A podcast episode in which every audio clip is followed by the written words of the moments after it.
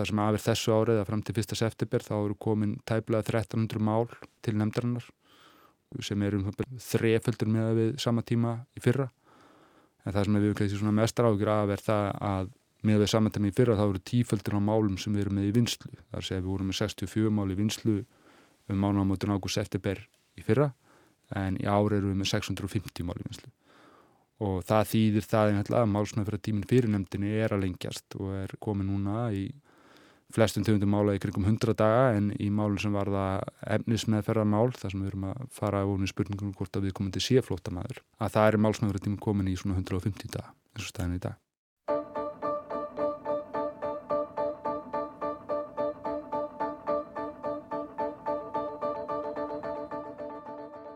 Þetta er Þorstedt Gunnarsson lögfræðingur og formaður kæru nefndar útlætikamála. Hann hefur komið að málefnum umsækjanda um alþjóðlega vendi 16 ár, aðalega hjá útlendingastofnun.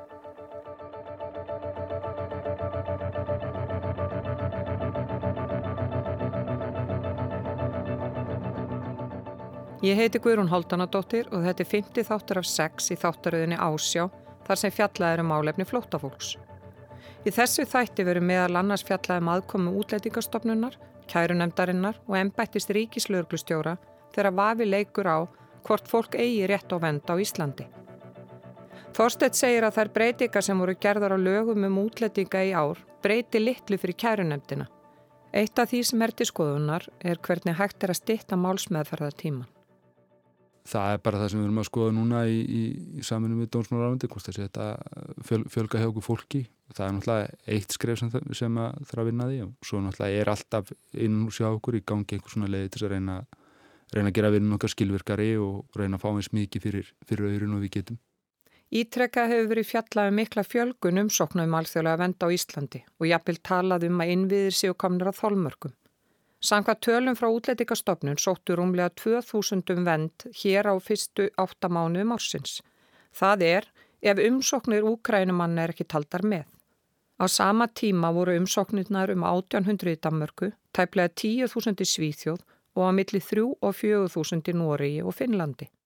Við erum á hverjum tíma að leita leiða til þess að stitta málsmennferðina en það er kannski ágætt að upplýsa hvað er málsmeðferðin og hvar er þessi tími. Og einfaldasvarið er að málsmeðferðartímin er í rauninni byðin eftir því að komast í viðtal og fá síðan í framhaldinu neðustöðu og þetta skiptist í rauninni í þrjárhluta á þrjárstofnanir, úldíkastofnun okkar málsmeðferðartími í dag er að jafna því 5,5 mánuður. Ef að um er að ræða höfnum á umsók þá fer þetta mála áfram í, í flestum tölukum beinti kærunundar úldíkamála sem tekur þá við. Ef að hún staðfestir þessa niðurstöðu þá fyrir þetta til framkantar hjá ríkislaugstjóra, þessi bráttflutningu fyrir landinu. Þetta er svona í heldina málsmeðferðin sem að fólk er að tala um og þetta er að sjálfsögðu, þetta er huglegt mat. Hvað er langur málsmeðferðartími? Eh, við erum líkast til með styrsta málsmeðferðartíman í dag á Norrlöndan með 5,5. Þannig að Jú, það má alltaf gera betur í málsmeðferðinni og hún er helst algjörlega í hendur við fjölda sem kemur og í dag erum við að kljást við 1600 óagrið mál vegna mikillar aukningar 2022 og 2023. Þannig að hérna, ég verð nú að segja að mér finnst hann bara ágætt hjá okkur að vera þó í 5,5 mánuði meðan að Norrlöndin til að mynda sem við berum okkur alltaf sama við eru með lengri meðal þals málsmeðfjártíma. Þetta er Kristín Völundadóttir, fórstjóru útlendingastofnunar. Hún segir að í kjölfar fjölda umsóknum vend hér á landi á áranu 2015-2017 hafi verið gerða breytingar á lögunum. Þá vorum við að fá ríki sem að okkur fannst að væru tildóðlega örug, við erum að tala um Albaníu, Magadóníu, Georgíu og í kjölfari kom inn laga ákvæði í lögin þar sem að það var staðfest að það mætti setja þessi ríki í rauninu á listaður örguðbrunríki og þá kom líka samlega inn í, lögin ákvæði um, um forgansmeðferð. Af þeim umsóknar sem við höfum í dag eru engi. Engar umsóknar fær í forgansmeðferð. Og það er alveg ljósta ef við værum til dæmis með 50% af þessum umsóknum í forgansmeðferð, þá myndi meðal málsmeðferð að það er snar lekka. Þannig að hérna erum við bara með reyna efnislega meðferð, þar sem að fólk fær bara alla þá efnismeðferð sem að, lög bjóða upp á. Þannig að ég segi aftur, það má alltaf gera betur, en þetta er ekki allslangt.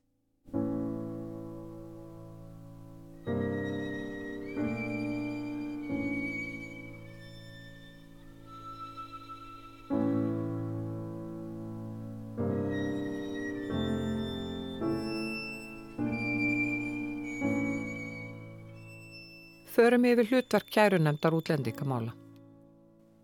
Kærund útlendingamála er sjálfstæðu úrskurðanemnd sem meðhandlar allar kærur sem henni berast að grundilega um útlendinga.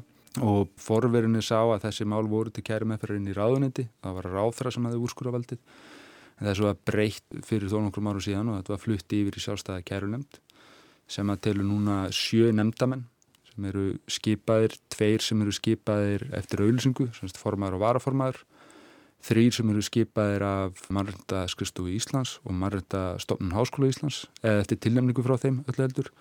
Og svo eru tveir nefndamenn sem eru skipaðir án tilnefningar á ráþara og hlutverk nefndarinnar er bara í gróðundráttun þetta við tökum fyrir þær ákvarðanir útlendingastofnunar eða eftir aðtökun lauruglu sem eru kæralega til nefndarinnar og förum við hvort það hefur rétt að þenn staði bæð á grundilli formregluna stjórnslaga og, og svo eftir þessum efnisreglum sem eru í lögum útlendinga nefndin starfar í deildum sem er kallað, það er þá þryggja manna deild sem að sérum kemur saman og úrskurðar í málum eftir tegundum.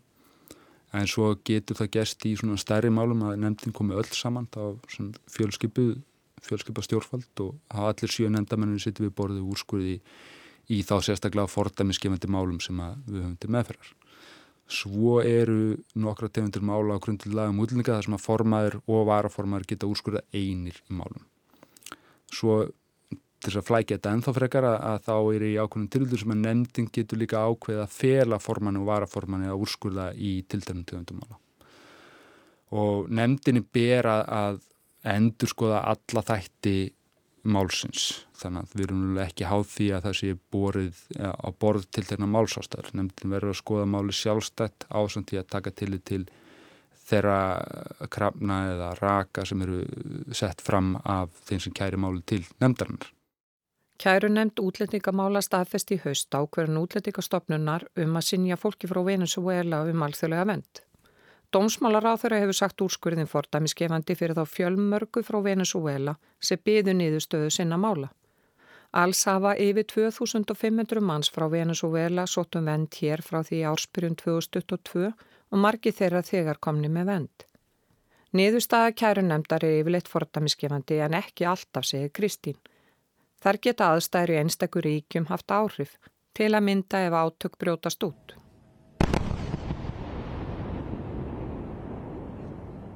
Þar sem að við erum undirstofnun eða lagra sett stjórnvald og kærunemdin er aðra sett.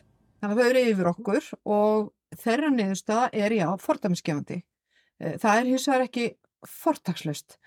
Það sem getur breytt niðurstöðu kærunemdar síðar er fyrsta lagi ef að lögjafinn gerir lagabreitingar sem hafa þá áhrif á þessa tilteknu niðurstöðu og síðan er það svo að þetta eru matskendar ákvarðanir þó að við reynum auðvitað alltaf að láta gögnin dýrast og stjórna.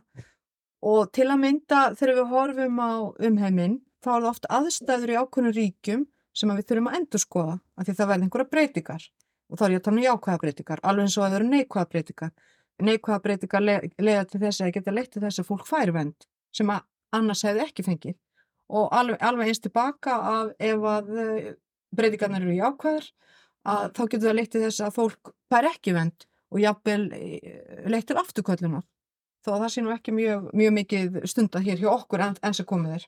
Fórstjóri útlætikastofnunar segir þvinga að flutning loka úræði. Það eru tvær leiðir núna í dag, ég er unni þrjá leiðir í bóði og landi. Þú fer sjálfur uh, án stuðnings. Þú óskar eftir stuðningi útlætikastofnunar sem er með samning við IOM eða Alþjóða fólksflutningastofnunina sem er saminnið þjóðurnar reka og síðan þvingaður flutningur. Það er náttúrulega loka úræðið. Við viljum ekki fólk færi þvingaðan flutning en því miður þá er meirlutin ennþá þar. Eh, við höfum eins og séð núna í ár alveg verulega aukningu í sjálfveljum heimflutningi og það er fólk sem er að draga tilbaka og eða hefur fengið neikvæða niðurstöðu. Ég hitti konur frá Bóluvíu fyrra á árinu sem hefðu sótt um alþjóðlega vend á Íslandi. Ástæðan fyrir því að þær leituðu ásjár hér á landi var ofbeldi að hálfu fyrirverandi maka. Þær sögðu að þær hefðu ekki átt annar úrkosta völ en að yfirgefa heimalandið. Aðeins þannig væri öryggi þeirra tryggt. Ofbeldismennir letu nálgun að banna ekki stöða sig við að beita randlegu og líkamlegu ofbeldi. Viðtali fór fram með aðstóð Danielu Rúbianes en tólkaði þar sem ég tala ekki spænsku og er kvorki íslensku nýja ennsku. Það eru alla mæður en urða að skilja börnin eftir um sig á ættingja. Að vera án þeirra sé erfitt. Es difícil pero ellos están más tranquilos porque algún día nos pueden, nos van a ver vivos todavía Konurna komu á vegum ferðarskustofur sem útbjá alla þeirra pappira en þær höfðu aldrei farið til útlanda áður. Ferðarlega var dýrt og þær þurfti að taka lán fyrir fargjaldinu. Því ég heyrði síðast frá þeim voru þær afar áhyggjufullar þar sem þær voru tekjulausar og skulda dagar nálguðust. No, nos, nos pidieron mucho, pero eh, ellos lo hacían todo eh, y a nosotros nos cobraron un dinero de todo eso que no se, ha, no se han hecho los papeles, porque nosotros no sabíamos. Það kostiði 6.500 dólara á mann e, út af við vísum ekkert um hvað þarf til að ferðast, hvert konar gögn og ekkert þannig. Ég hitti þær í tvígang og var líka í samskipt við þær í gegnum WhatsApp forritið. Í sömar hættu þær að svara og ástæðan var svo að þær höfðu farið sjálfviljugar frá Íslandi og aftur til Bólivíu þar sem þær töldu útilokað að fá vend hér. Íris Björg Kristjánsdóttir er sviðstjóri alþjóða og landamæra sviðs ríkislauglustjóra. Hlutverksviðsins er alþjóða samvinna og stuðningur við íslensk löggjastlu yfirvöld að þau fari að alþjóða samningum. Íris kom til starfa í ennbættunni byrjundi september og hún hefur langa reynsla á störfun tengdu flóttafólki bæði hér á landi og erlendis, ekki síst sem sér fræðingur á sviði mannúðamála og fólksflutninga hjá UN Women með starfstöði Tyrklandi. Hún tekur undir með Kristínu um að þingu brottfur sé alltaf síðast óræðið. Ákvarðanir það liggi vel ekki hjá Ríkislauglustjóri heldur, ber okkur fyrst og fremst að framfylgja ákvarðanum stjórnvalda undarfærin ár hefur verið mikil uppbygging á þessu starfi og hún heldur áfram núna og stjórnvöld hafa verið að reyna að fá sem flesta í það er að fara í sjálfvilju og heimför. Ef að við komum til búin að sækja um alþjóðlega vend og það er komið sinjun á tveimur stjórnsýslistögum og niðurstaðan líkur fyrir málinu rauninni talið vera lokið og þá er alltaf fyrsta skrefið að vinna með fólki og reyna að hvetja til þess að þykja stuðning við það að snúa heim eða til þess ríki sem það hefur þá annarkvært til með stöðuflótamanns eða dalaleifi og það er auðvitað markmið að flestir fari sjálfviljur og með stuðningi stjórnvalda heim en ekki, þetta er síðast úræði, þetta er ekki eitthvað sem að ég held að nokkur kjósi að fara í þessar vegferðir. Og markmiðið er að hvetja sem flesta og stýðja við sem flesta að fara á sjálfviljur í rauninni heim. Þau sem fara sjálfvilju heim fá markvíslega stuðning þegar heim er komið.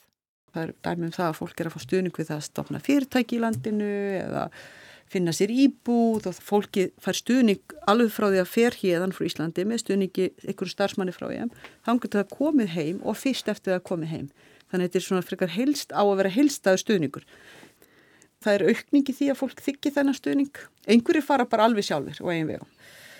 Markmiði er að fólk fari sjálfviljugt og, og það sé hægt að vinna saman að þessu. Að nýðustafni komin annar stað frá. Laugin eru sérst á alþingi, stopnunir þurfa að framfylgja þeim, málsmaður þenni er lokið og þá er það nýðustaf. Og að því það, þessi mál hafa verið til umræðu og komið upp svona mjög erfið mál sem hafa komið í fjölmjöla sem hafa bara verið virkilega erfið. Ég má kannski aðeins fara tilbaka því ég er að vinna fyrir eins og fyrir samrið þjóðunar. Þá maður að vinna í svona verkefnum sem eru vissuleitum að segja valkvæð þú ert ekki að vinna, þú ert ekki að, framfylgja skildum og einhvern veginn ábyrð ríkisinn sem er í löndunum heldur, ert að reyna byggja eitthvað ofan að það, þú ert að reyna að bæta lífólks, þú ert að setja uh, viðbóta þjónustu, þjálfun, aðbúnað, mat, öryggi og svo framvegist. Þegar þú kemur að verkanum ríkisins, þau eru oft svolítið vannþakklátt og ég er að mörguleiti mjög þakklátt að fá að koma heim og vinna á Íslandi á þessu verkefni sem þarf að standa alveg gríðarlega vel að.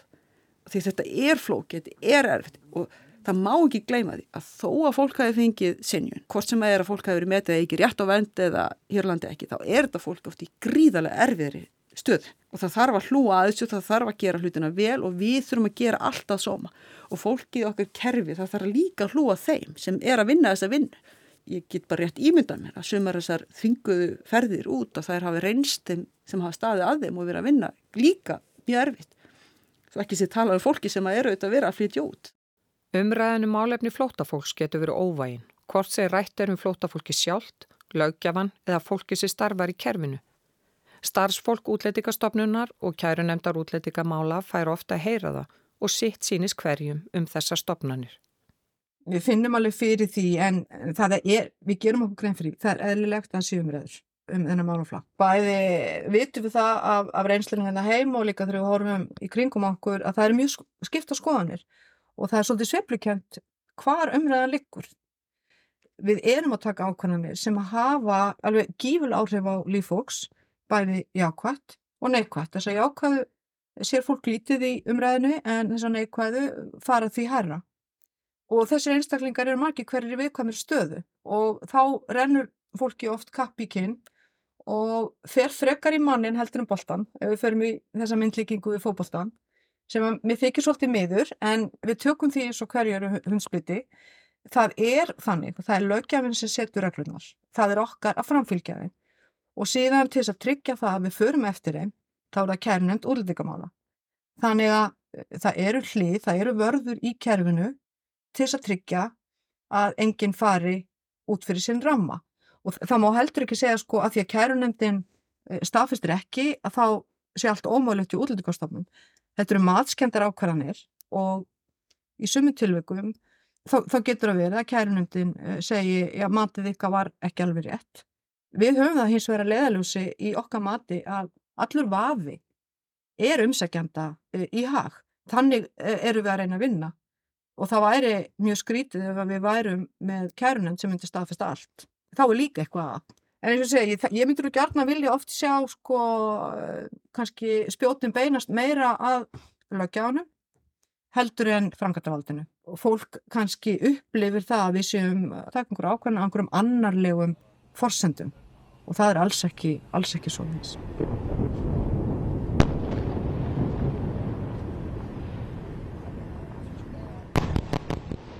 Ákvarðanir kærunemdar útlendingamála byggist á margvíslegum gögnum og stundum breytast aðstæður hratt eins og dæmi sína. Við alltaf fáum sjálf og sér alla vinninu sem hefur farið fram hjá útlendingastofnun og það reyni eru við viðtölu og ákvarðun og gögn sem að útlendingastofnun samna saman og leggur til grund allar sinni ákvarðun. Í ákvarðunum útlendingastofnunar og í úrskurunum hjá okkur er náttúrulega sérstaklega fjallað um það sem er kallað landaupplýsingar og ég held að það sé kannski það sem að fólk er, er að skoða þessu úrskuru okkar sem eru byrtir á, á úrskuru.is staldra við, því að þannig er oft vísað í ansi margar heimildir og ansi, ansi langur, langur texti um aðstæður í ríkunum en það er unna fyrsti grundullunum hjá okkur er náttúrulega frásun viðkomandi. Svo þurfum við að náttúrulega vita hvaðan viðkomandi kemur hvaða ríki um er ræða. En svo þegar við fyrir að skoða aðstæður í landinu þá gerum það grundulli þessara landaupplýsinga sem geta verið skýslu sem eru unnar af öðrum ríkjum það geta verið, geta verið unnar alltöðastofnunum eða frálsum félagsamtökum allt svona viðkendra aðilar og með því að fara við þær þá fáum við svona mynd af ástandinu í viðkomandi ríki. Það sem gerist er að við erum búin að skoða þá mynd er það að við mátum þessa mynd við þær, þá frásun og þær aðstæði sem við teljum eigi við um viðkomandi einstakling og metum þannig hvort að frásunum hans sé réttmætt eða trúverðu og líka hvort að það séu þá í málunum ástæði til að veita viðkomandi vernd á Íslandi. Þetta ánáttúrulega fyrst og fremst við um þessi mál sem eru tekinn til efnismæðferðar svo eru náttúrulega líka mál sem að varða einstaklega sem að fallin diblinarreglgerina og einstaklega sem að nú þegar hloti vernd í öðru Evrópuríki eða aðaldaríki sengarsanstarsis og þá eru við líka að skoða aðstæðir í þeim ríkim hvort að þær séu bóðlegar viðkomandi. Og breytist það hratt eða er þetta yfirleitt alltaf bara sama staðan? Mm, þetta breytist og ég held að það sé mjög mikilvægt að fólk hafi það í huga þetta er mjög dýnamist bæði réttarsvið og málaflokkur og, og aðstæður í ríkjunum sem við verum að skoða að geta breyst stundu frá ári til ár, stundu frá mánu til mánar og svo náttúrulega tekur dæmið svo úkrælina sem að bara á einu nóttu breytist allt ástandi sem er kannski sjálfgefur að það gerist þannig en, en það kemur þó fyrir. Þannig að við erum alltaf að vinna með það þegar við erum að úrskurðu okkar málum þá erum við með við aðstæðinni svo er á þeim tíma sem við kveðum upp úrskurðinu málum Í fyrri þáttum ásjár hefur meðal annars verið fjalla um stöðu barna á flótta. Við erum alltaf þurfum að skoða málið út frá stöðu einstaklingsins sem barns og þetta eru þetta svona með erfæri málum sem við sjáum. Við sjáum allskins, eh, sjáum börn koma til landsins mýnsmætti, það getur komið í fyllt fóreldra, það getur komið í fyllt forsarmanna, það getur komið í fylltalust og það sem er svona, kannski hafa verið kannski mest áberandi mál henni hérna tíðan hafa verið mál með fylltalusungmenna og hvernig að fara með þau. Það er þannig samt og kannski rétt að halda þetta til haga. Við erum með alþjóðsannningur réttindi barsins og við erum með flótamannssanningin. Við skoðum málunum barna út frá bestu hagsmunum barsins og það er ákveði hagsmunamat sem fer fram og það er skoða aðstæðu barsins og hvort sem, hvort sem það er í fyldi eða fyldalust. Það er ekki líkilættir hvort þetta er fyldi eða ekki. Það þarf alltaf að skoða aðstæðu barsins. En það sem að verður kannski stundur svona veldur ákunum kannski rugglingi í umræðinni er það að barn sem að sækir um alþjóðlega vernd á réttindi sem flótamæður undir flótamannsamnum. Það er engin sjálfsta réttindi til dvalar á grundulli barnasáttmálans og það er stundum svona rugglar umræðinu þegar fólk segir að af því að þriðegarinn barnarsamhóðun segir að við erum alltaf að hafa bestu hagsmunum barnsins að leiðlösi þá einhver leiði það til þess að barni verði flótamæður. Barni verður ekki flótamæður nema það falli undir skilkrinningu flótamannarsamsins. Það getur gerst að einsum ástæðum. Þannig að börn getur svo sannlega verið flótamenn og oft búið að koma mjög ræðilegum aðstæðum sem er það sem að sérstaklega viðkomir að því út barn. En heilti verið að þannig að þessar aðstæður eru skoðar út frá hagsmunum barsins og sangvært lögunum og, og ber okkur að líta til sko, skoðana barsi í samræmi við aldurs þess að þroska, taka tillit til þeirra. Þannig að það eru allskynst þættir þar inni sem við skoðum nánar þegar börn eru, þegar börn eru að ræða. En svo er það náttúrulega líka svo var það e, málum með fylgtalis og ungmenna að það hefur svona verið til umræði hér á Íslandi í gennum tíuna hvernig eigi að fara með þau mál og það hafa verið setta fram hugmyndir í skýslum frá þáverandi dómsmálar á þeirra að, að reyna frekar að nálgast mál með fylgtalis og barna fyrst sem barnavendra mál og svo sem umsó um alþjóðlega vend ef það er í samræmi við hagsmunni barsins eins og kerfið hefur verið og nú segi ég er ekkit á gólfuna alla daga í þessum málun lengur en það var á minnstu kosti svona tendens í kerfin til að líta fyrst á fylgdælisungmenni sem hælislindur og svo sem börn. Og það væri svona eitthvað sem mætti alveg endur skoða að mínum að byrja því að líta á fylgdælisungmenni sem einfallega barn og það er þá barnavenda mál og skoða svo hvort að barnið hafi þörf fyrir vend. Það er svona í samræmið það sem til og meins Írar hafi verið að gera. Það er líka hafa þau huga að börn eða sjálfstæðan rétt til vendar. Þannig að ef það eru aðstæði sem að varða engangu barnið og barnið á hættu, segjum að barnið á hættu kynfæralimlestingar, þá er það alveg skýrt eftir okkar, okkar lögjöf að þá er, er barnið verandi stúlkubarn sem á hættu þessa meðferð til að snýra aftur heimti sín. Það er eitthvað sem við höfum alltaf talið fallið undir bara ofsóknur og þar undir sér við komandi flótamæður. At that time, I, there is a, a circumcision for a girl in Somalia that happened to me. Þetta er Ítil. Í fjörða þætti ásjár sagði Ítil frá því þegar hún var skilin eftir allslösa smiklara sem kom með hana til Íslands á leið til Írlands. Dæmin sína okkur að mál hennar er ekkert einstæmi. Hún er eitt þeirra stúlkubarna sem hefur þurft að þóla kymfara limlestingu. Þegar ég var að vinna fyrir Jón Mummin í Tyrklandi og ég var að vinna með alþjóðstofnunum í fjöldalanda og annað, þá fannst mér verulegt ágefni hvað um leið og fólk fer á flóta, hvaðan sem það er að koma og þegar það er á ferðinni, hversu berskjálta það er, hversu fáur talsmenn þeirra eru þarna úti Það er engin til að gæta oft hagsmunna þeirra þrátt fyrir að við séum með stofnunir eins og alþjóðlegu fólkflutningastofnununa IOM, við erum með flottamannastofnun samnið þjóna, UNHCR, við erum með Frontex og Európu, við erum með mikilvæg unit og apparat viða. Þá er samt staðan þannig að þegar fólk fer á flotta þá er það oft berskjaldað og við fáum aldrei tölur eða yfirsýnum það hversu mörgum konum og börnum er rænt mannsal. Við munum aldrei vita hversu mörg ungmenni hafa orðið fyrir barðinu og alþjóðlum gleipasamtökum. Þetta eru svona þessi huldi veruleiki sem er undir öllu. Þó við séum lítil og fá hér, þá eru alla vísbendingar um að það, það, það er alveg sama í gangi hér eins og annar staðar. Íri segir að það sé ekkert sem útilokkar Ísletika taki þátt í mannsali og smikli á fólki.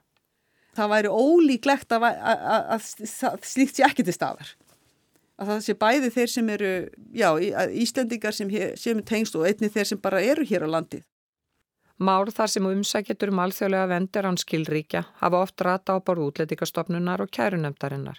Þetta kallar á lengri afgriðslu tíma og getur líka tafið fyrir brottvísun úr landi ef við komandi er sinja um vend.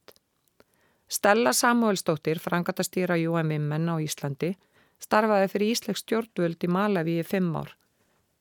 Hún segir að í Afriku sé algengt að fólk eigi ekki skilríki. Mér er svolítið áhugavert uh, út frá þessum pælingum okkar hér á Íslandi.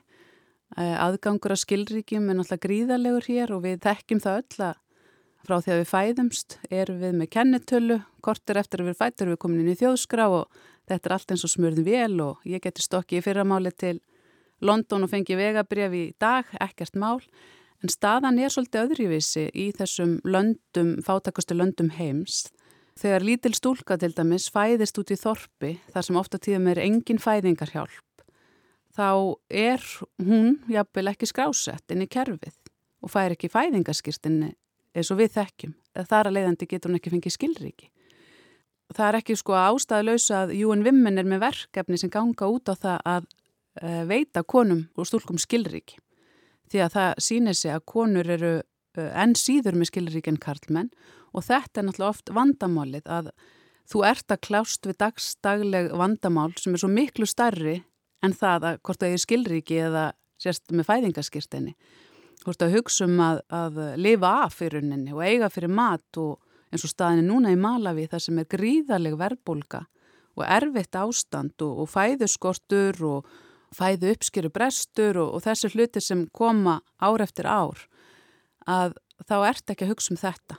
Þannig að ef eitthvað kemur upp á og þú þarfst að flýja þá ert ekki mennin skilri ekki og þú hefur ekkert til þess að sína hver þú ert og í þessu samengi líka varandi aldur, hver er þinn aldur? Fólk er ekkert að hugsa um þessi mál. Mín upplöfum var úti að ég fekk ekkert einn svör við þessu að því fólk var ekkert að hugsa um það hvað það var gamalt. Þú ert bara að hugsa um að lifa af, þú ert ekkert að spá í hvort ert 14 ára, 16, 18 og þegar ég spurði sömu mönneskina aftur aftur, ég fekk aldrei sama svari, það áttæði ég mig á því að þetta er ekkert stóru málinn auðkenni er eiginlega það mikilvægsta sem við erum að vinna með. Við erum að vita hvaðan við komum til kemur. Hvaða ríkisvon kvefur hann eða ríkisvon slaus til þess að geta svona lagt grundvöldin að, að því sem við erum að gera.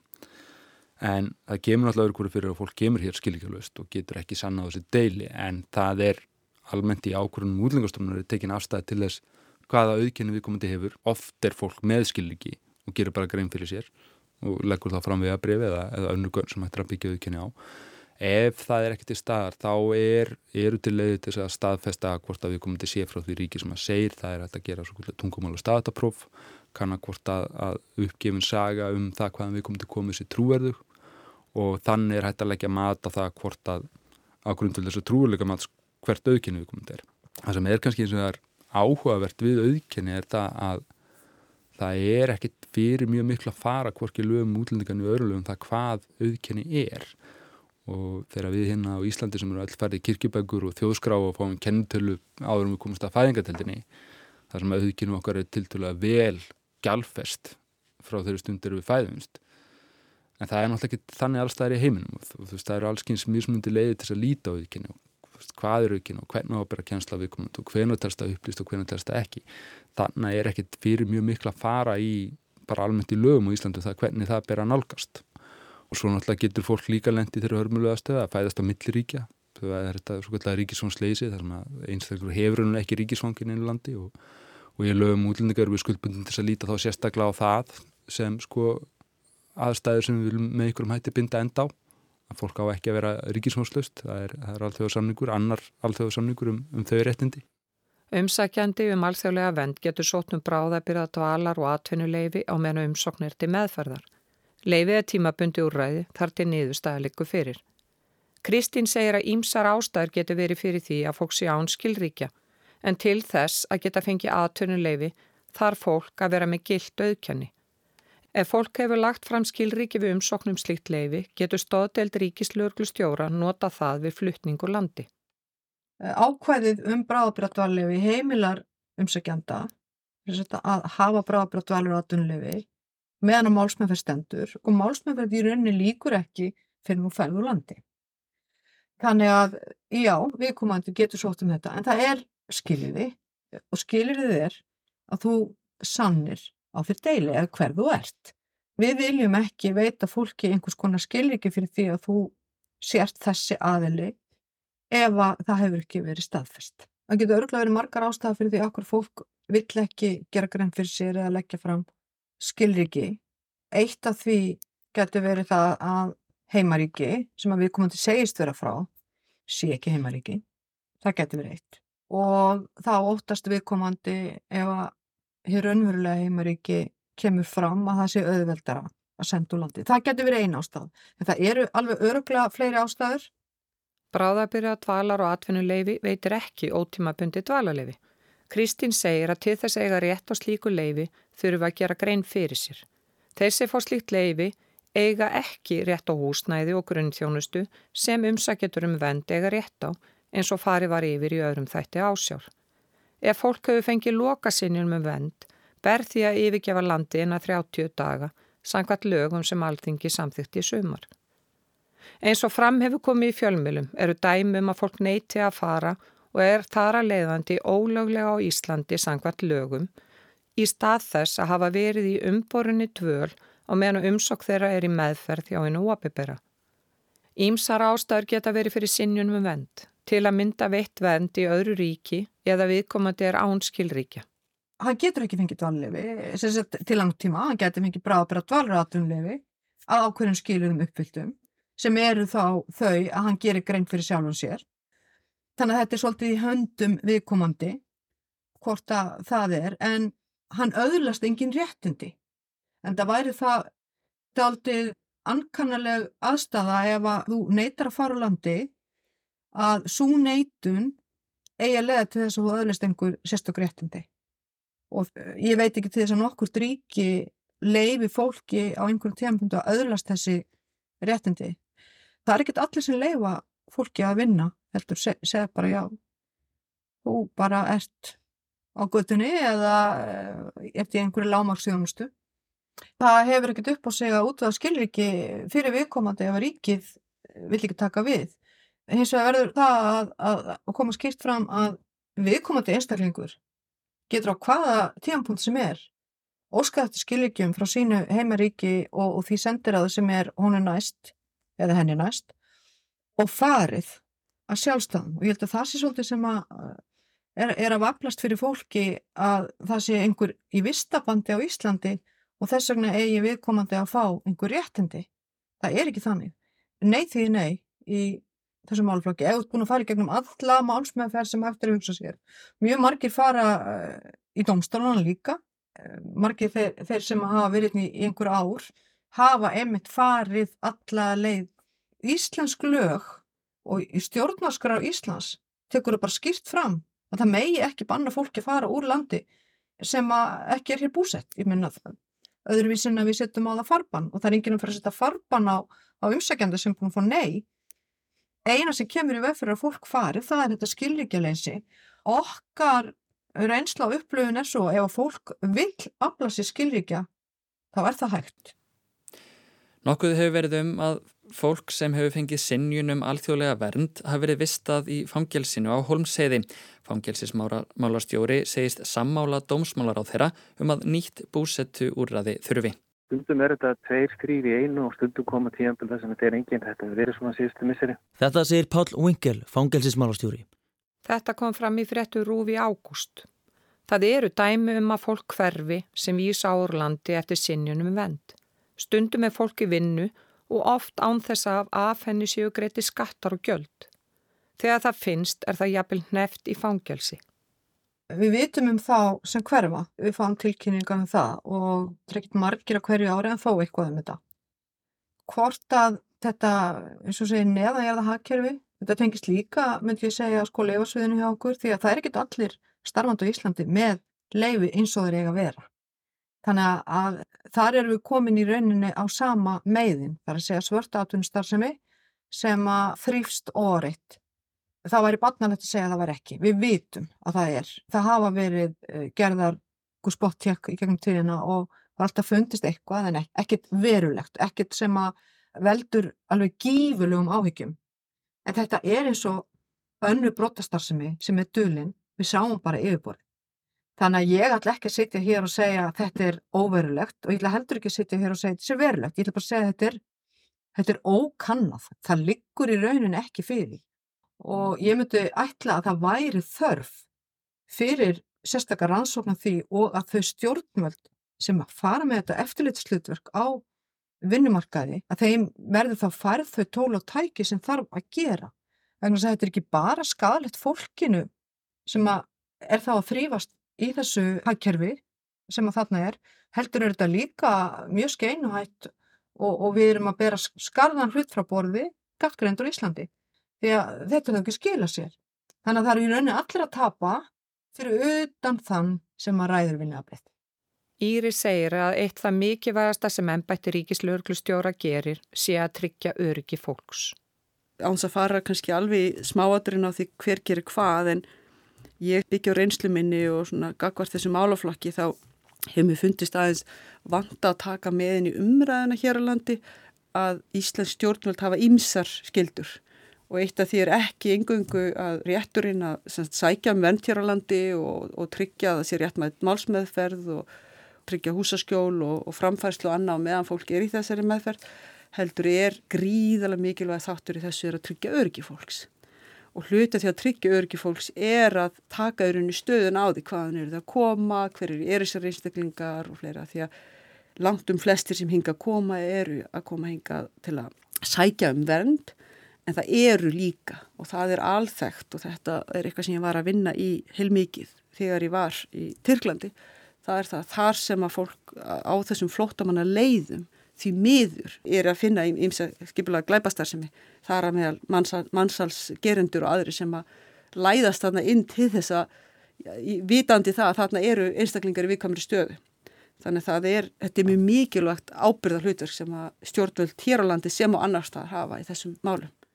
Mannsal er einn helsta okn flóttafólks og í skýslu Greta eftirlitsnefndar Evrópur ásins koma fram áhyggjur af aðgerraleysi íslenskra stjórnvalda þegar kemur að mannsali. Í skýslu nefndarinnar kemur fram að vinnu mannsal flótta fólks og umsækjata um alþjóðlega vend þekkist meðal annars í byggingariðnaði á Íslandi í ferðarþjónustu og veitikagerunum. Jafnframt eru dæmi um kynlífsmannsal hér á landi. Meðal annars eru tiltekið dæmi um að Rómabörn hafi verið seldi vændi á Íslandi. Mál 15 ára gamalla stúlku er þar á meðal. Starfsfólk á fæðingadeildinni let barnavendar yfirvöld vita af henni þegar hún fætti barn á deildinni.